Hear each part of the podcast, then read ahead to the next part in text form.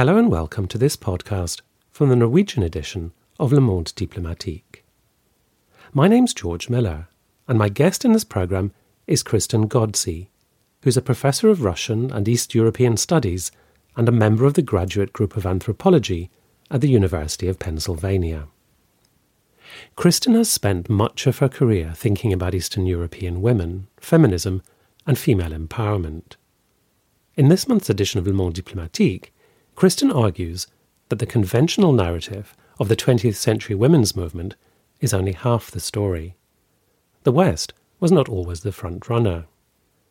The USSR put Valentina Tereshkova into space in 1963. The US didn't open its space program to women for more than another decade. But type First Women in Space into Google, and the first hit is Sally Ride, NASA astronaut, part of the Challenger mission, in 1983. Back on terra firma, US leaders in the Cold War worried that communism might begin to appeal to American housewives if they saw their Eastern European peers had opportunities they lacked. Today, we tend to picture Soviet women in bread queues and tend to forget the women engineers, doctors, and scientists that the Soviet bloc encouraged. From the 1970s, women's leaders from Eastern Europe made common cause with their counterparts in the global South, seeking to broaden the debate about rights to include deep systemic inequalities. But before we discuss the overlooked and forgotten red grandmothers of feminism, I began by asking Kristen to summarize the conventional narrative of the women's movement that she set out to challenge. This is, a, you know, a kind of standard narrative that gets taught, for instance, in gender studies classes today. And you know, there's there's kind of this sort of progenitors moment with people like John Stuart Mill and Mary Wollstonecraft in France, Olympe de Gouges, and that eventually kind of feeds into the suffragette or the suffragist movement, which is called these days the first wave of feminism.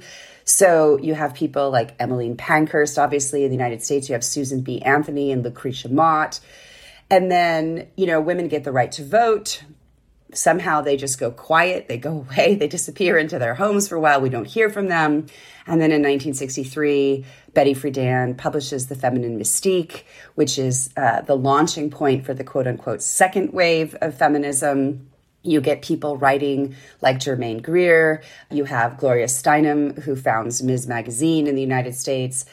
And you, for a while, women of the second wave, you know, fight for equality in the workplace and uh, equality in access to education. And then eventually you get something that's sometimes referred to as the third wave, what we call post feminism, sort of a more pop girl power kind of feminism that we see today. It's sort of Sheryl Sandberg lean in type thing and hashtag girl boss. And it's a very pat Western trajectory that largely leaves out for a long time women of color, women from the global South, and of course, my particular interest is women from the state socialist East.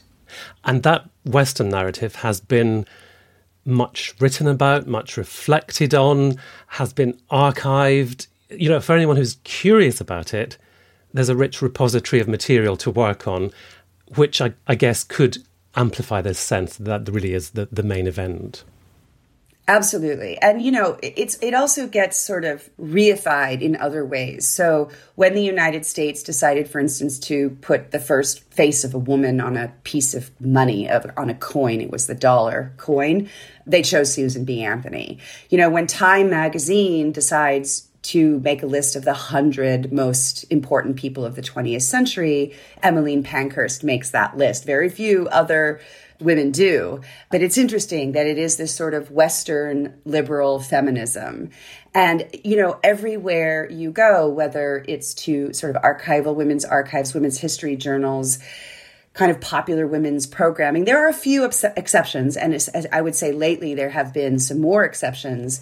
It generally tends to be this very Western focus on Western white women, largely middle class women and above, privileged women. Who were fighting for things like married women's property, who were fighting for access to professions that had been closed to them, who were fighting really for certain kinds of privileges within the capitalist economic system that they felt were unfairly being held right from them because of their sex, because of their gender.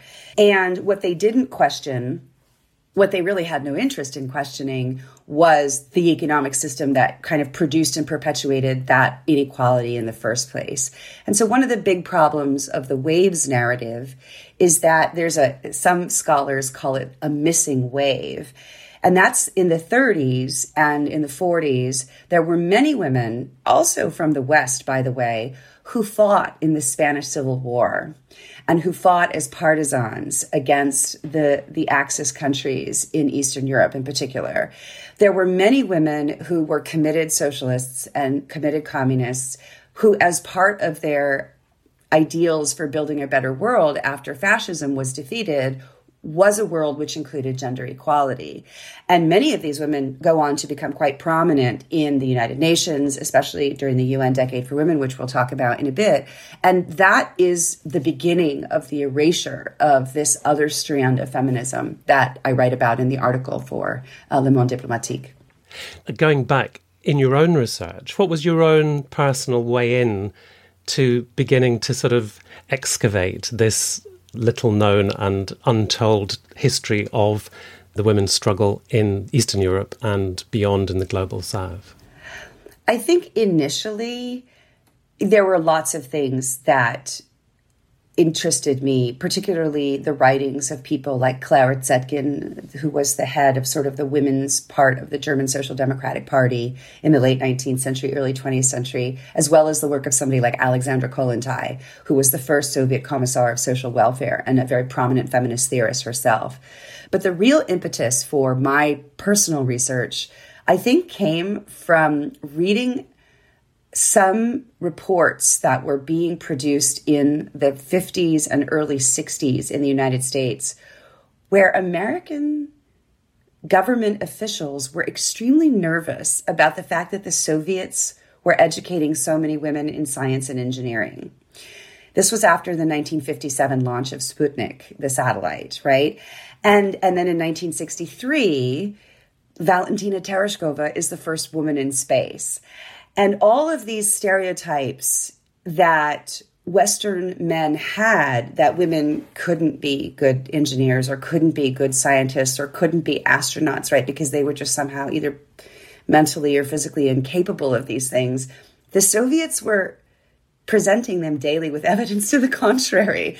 And there was a real nervousness, I think, among the, you know, clearly we see this with the Kennedy administration when he signs the first uh, there's an executive order, Executive Order 10980, I believe, which establishes the first presidential commission on the status of women here in the United States. It's done for national security purposes. And to me, that was a really kind of curious find that suddenly you would give, you could ignore women's rights. you could ignore, we've given them of the vote. Okay, they should be happy. They should stop asking for other things. But suddenly you're starting to look at women and you're thinking, okay, maybe our, na- our long term national viability as a competitor in this Cold War, as a competitor in this superpower rivalry over which economic system is better, hinges on whether or not we extend some more rights to women in our society. And I found that fascinating.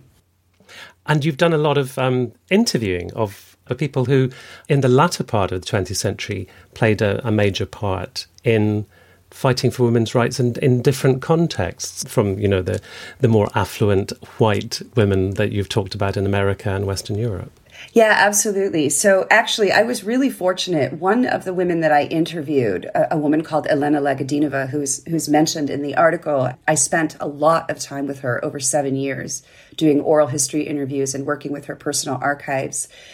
She was not only the president of the Bulgarian Women's Association for 22 years and a very important figure at the United Nations, she's elected the general rapporteur of the Third World Conference on Women in Nairobi in 1985. But she was also the youngest female partisan fighting in Bulgaria during the Second World War. She was 14 so she actually she did kind of bring in a, that sort of interesting point of view of the what is often called the missing wave of feminism these young women who were quite profoundly radicalized by militant struggle against fascism in the 30s and 40s and they take that really militant struggle and they bring that into the women's movement in the 50s, 60s, and 70s. And I think that uh, my own research, I have interviewed women in Eastern Europe, I've done a lot of archival work, but I also, as part of the project, which is a book, Second World, Second Sex, that the article kind of emerges out of, I, w- I traveled to Zambia. And I was very interested to speak to Zambian women who fought against the British for their national independence in the early 60s and how their struggle against colonialism actually also radicalizes them to become feminists. And so I did oral histories with women in Zambia, and I also worked in the Zambian archives of the United National Independence Party.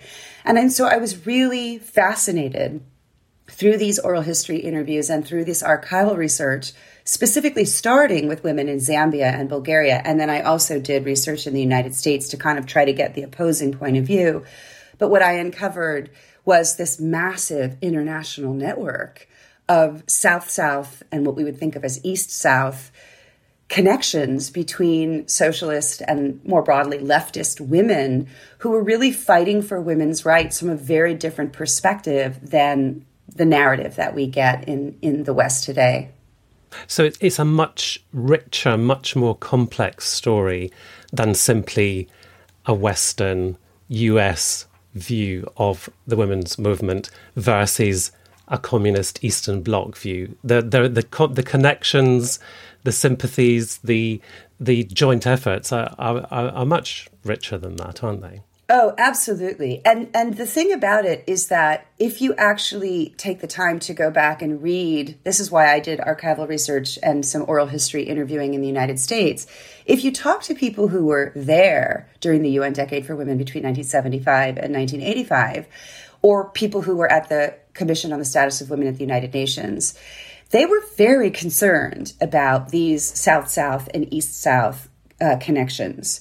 So if you look at the archival record in my country, for instance, the United States Agency for International Development in many ways creates a women in development desk as a way of pushing back and resisting what they see as the increasing alliance between East and uh, South women and East South countries over issues like women's rights.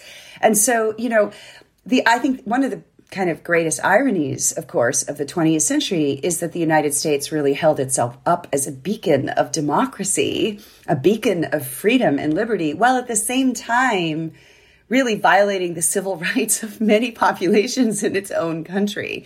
And it turned out that the Soviets uh, and the Eastern Bloc more generally often pointed this out at the world. Um, at world forums like the fora like the United Nations.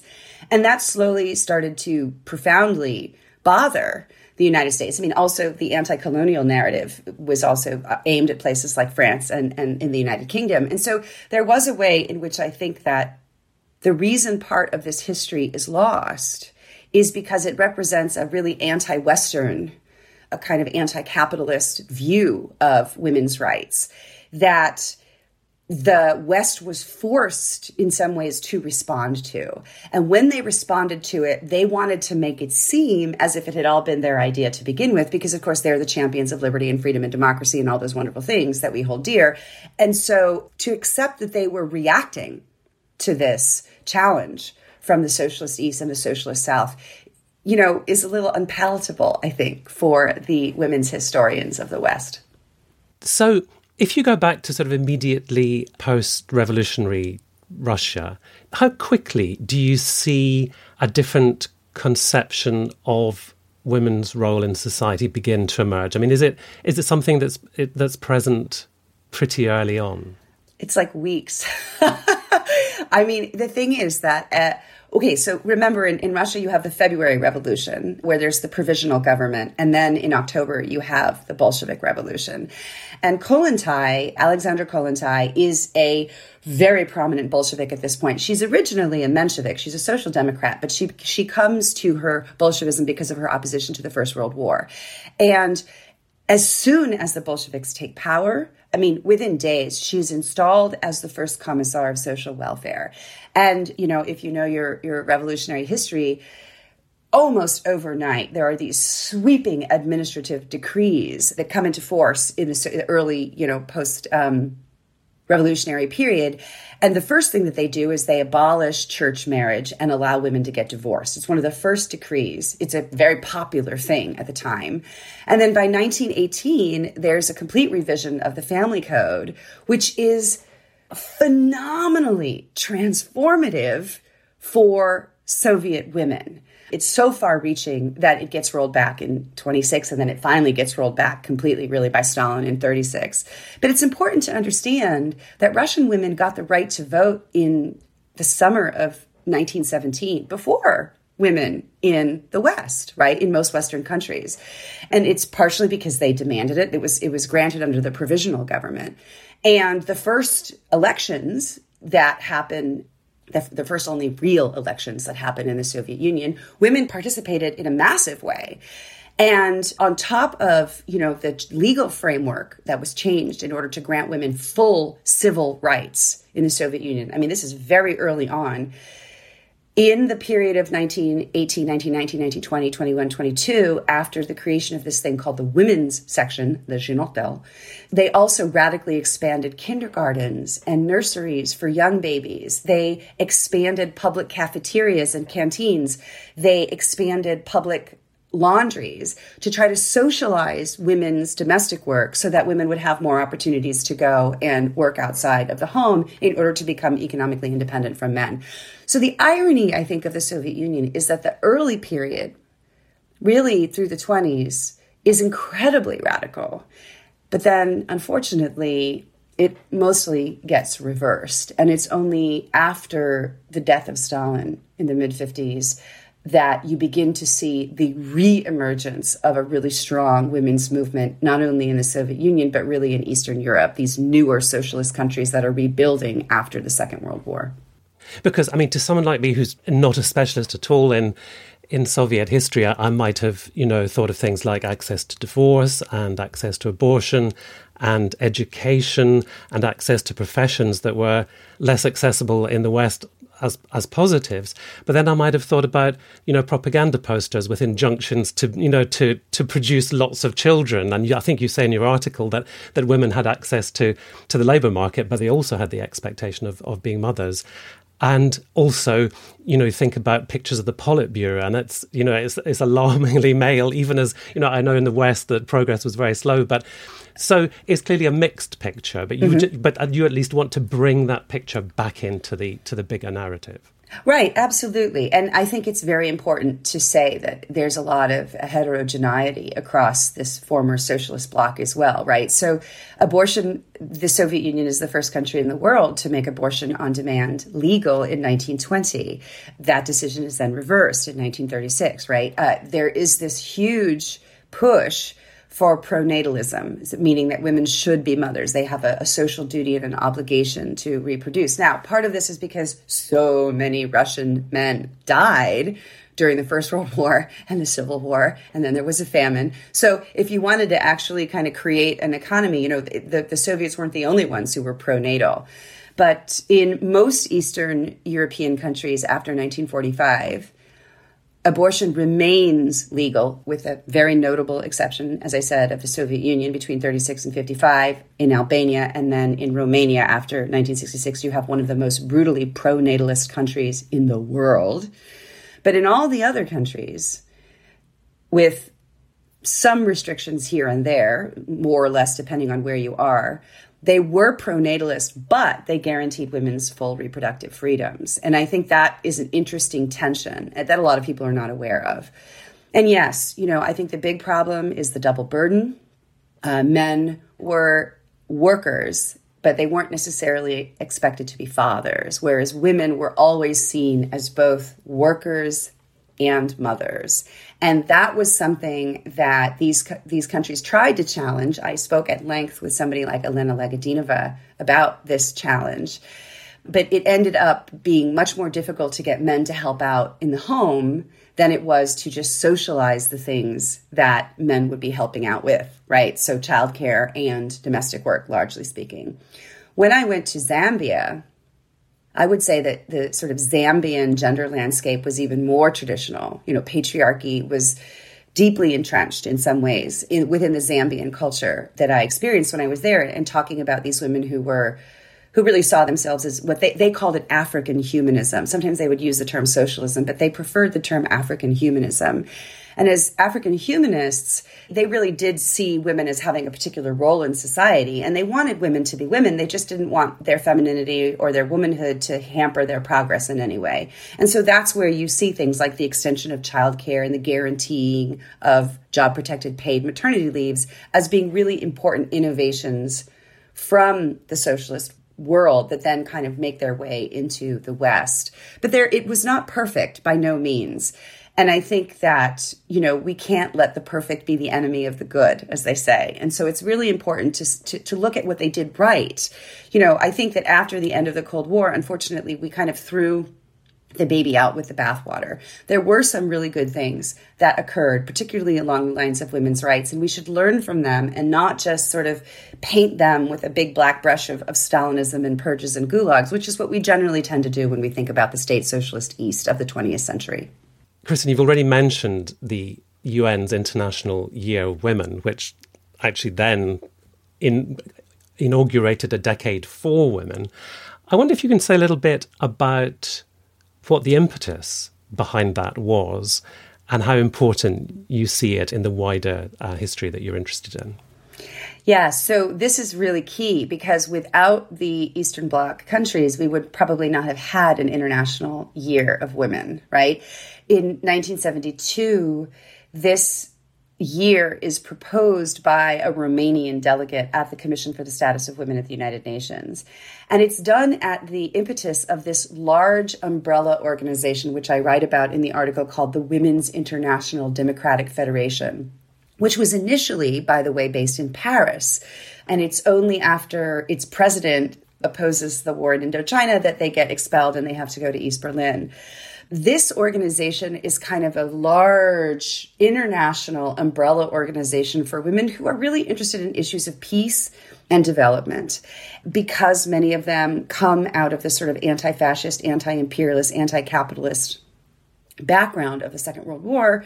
When they coalesce into this organization, it's this organization that really is the mover and shaker on the international field in terms of women's rights.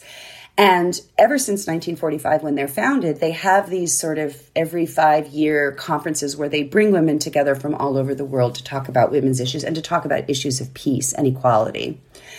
1975 was the 30th anniversary of the Women's International Democratic Federation. And so they proposed this International Women's Year at the UN in order to kind of commemorate their own 30th year anniversary.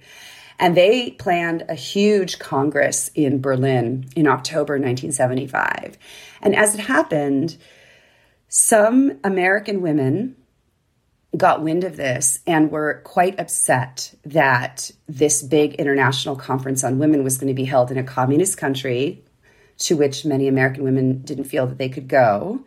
And so they put pressure on the US State Department to give money to the UN to create a, an official UN Congress that would occur in a non state socialist country. And that's how you have the first World Conference on Women, which is held in the summer of 1975 in Mexico City.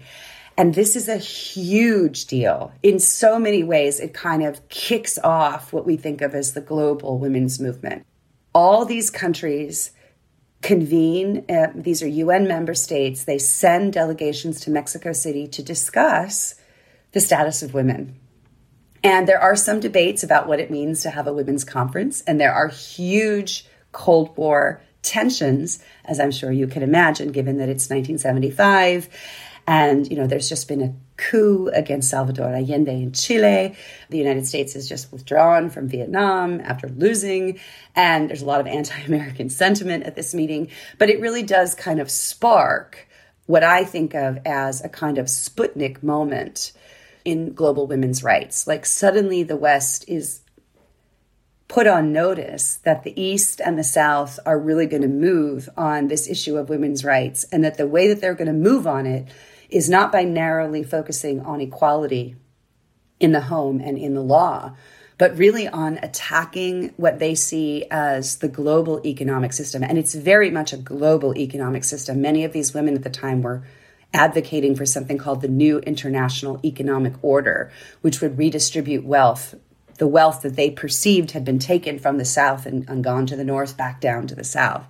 So it was a very, very important moment in history. And in some ways, some of the most lasting international documents, treaties that we have today on women's rights, like CEDAW, the Convention for the Elimination of All Forms of Discrimination Against Women, which is signed at the Second World Congress in Copenhagen in 1980 and has been ratified by most of the countries in the world. I think there are only five or six left that haven't ratified it, including Iran, Somalia, and you guessed it, the United States of America these international conferences, which punctuate this decade, they're really a very interesting arena, aren't they, for demonstrating the different conceptions of what it means to fight for women's rights. How how holistically you see that, how how as you you were suggesting earlier, how implicated that struggle is within much much bigger questions.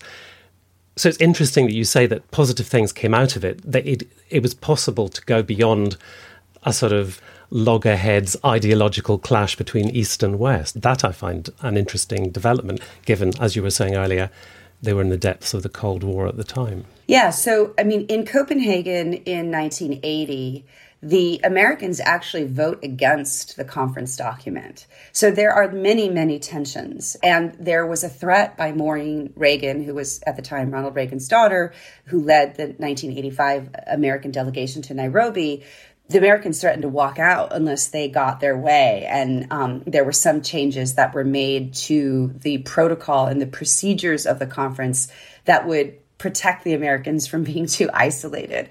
But look, you know, I think even there were many Americans, by the way, who went to Nairobi for there was always a parallel in NGO forum. So there were the official meetings and then there would be a parallel forum, and many women's activists would go alongside the official delegations. And, you know, and especially since it was 1985, it was Kenya, women in Africa wanted to talk about apartheid in South Africa.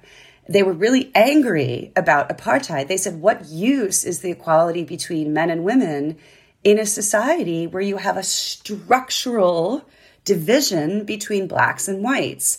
And you know, and the Americans said that's not a women's issue. We just we're here to talk about women's issues. You know, many of these Western countries didn't want to deal with issues like apartheid.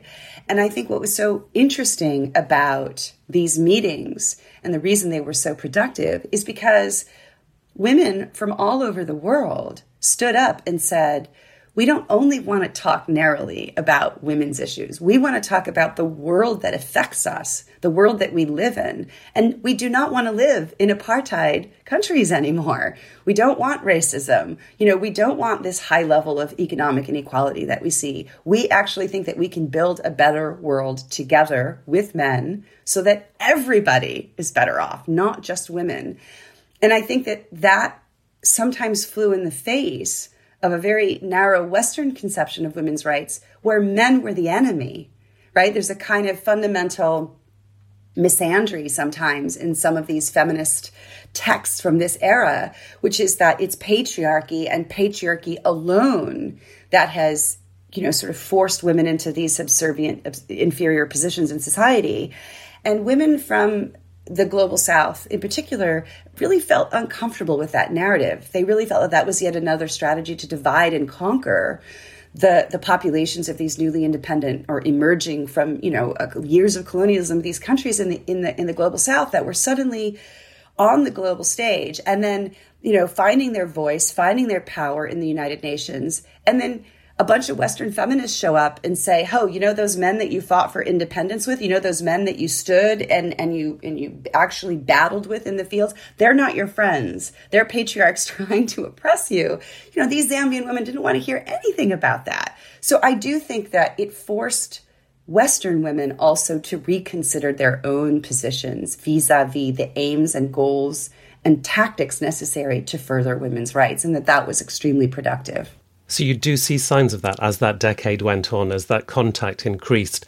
it wasn't simply a sort of dialogue where neither side was listening to the other. You see the Western women kind of begin to expand the terms of reference for how they see what they're engaged in? Well, it's really important to emphasize that there were always women in the West who were on the left side of the feminist issue. So people like Angela Davis, for instance, there were many socialist and communist women that saw that the problem that women faced was not only a problem with patriarchy, but was also a problem of the economic system.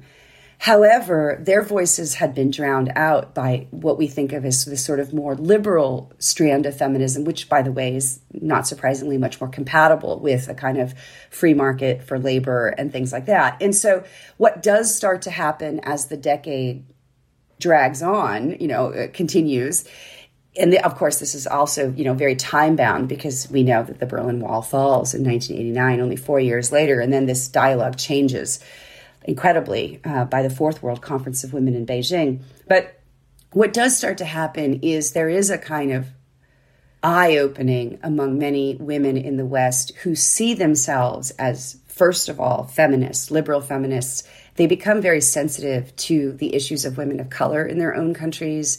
They become very sensitive to issues of what were then called third world women. So, you know, women from the global south whose issues about not being able to go to Harvard, right? Or not being able to become a lawyer or break the glass ceiling and become president, like that, they're dealing with a much more fundamental kind of issue about like how do you actually put food on the table? What happens in single headed households by, you know, households headed by women? So there does become increasingly a sensitivity. And I do think that that was a really productive moment for women's rights because it broadened the coalition.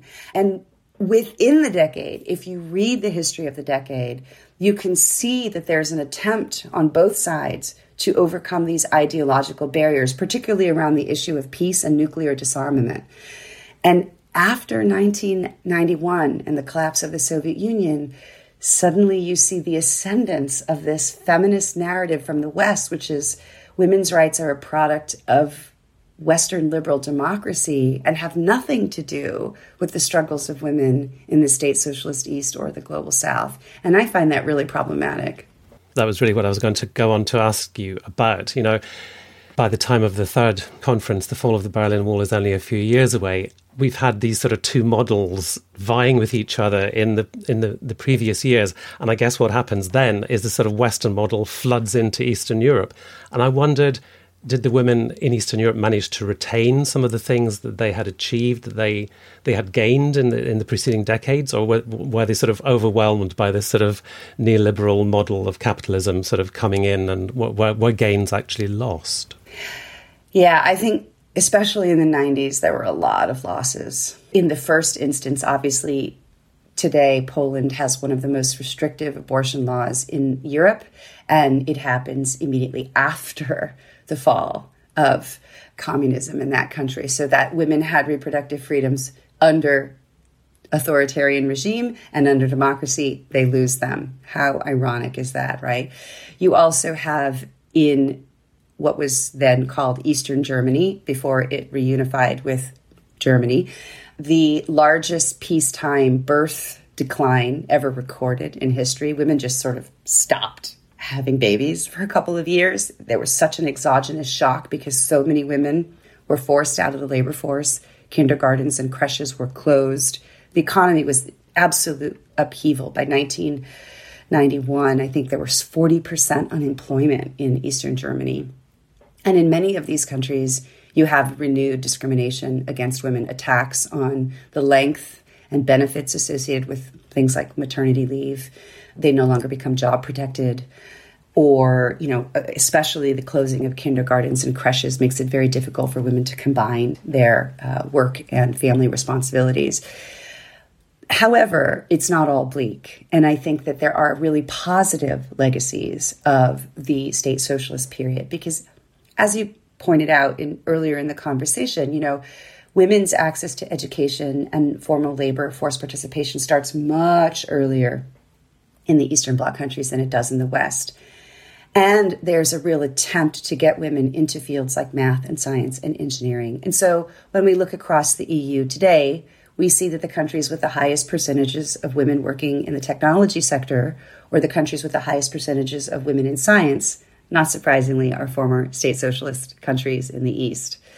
There was also a really fascinating 2018 study called Girls, Socialism, and Math, which, um, using a standardized test that compares the math abilities of boys and girls in the same you know grade, it's a standardized test done across the EU. You can see that girls growing up in former socialist countries that the gender gap in math is much smaller than girls who grew up in countries that were on the western side of the Iron Curtain.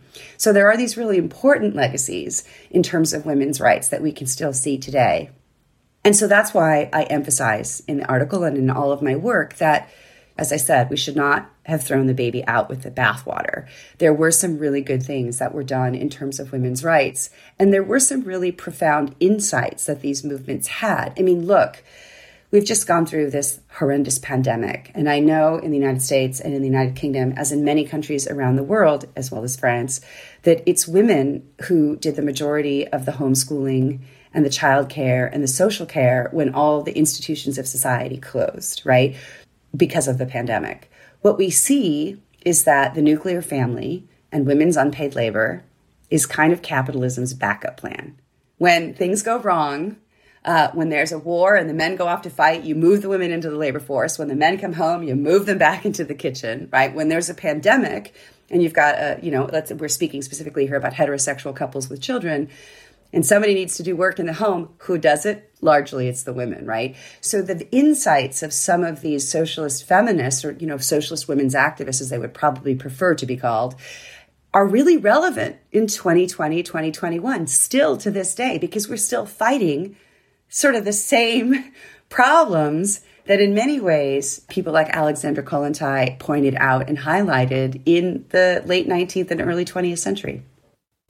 I was speaking to Kristen Ghodsee about the Red Grandmothers of the 20th Century Women's Movement, whom she writes about in the August 2021 edition of Le Monde Diplomatique. The latest edition of the paper is available to our subscribers and also on sale at newsstands across Norway and Denmark. Subscribers can also access it and the complete archive of the paper at www.lmd.no. If you're not yet a subscriber, there's plenty of open access content online to entice you to become one. In the words of John Berger, why read LMD? To make sense of what's happening in the world behind the misinformation. I hope you'll join me again next month for another interview with one of our contributors. Until then, Thank you very much for listening, and goodbye.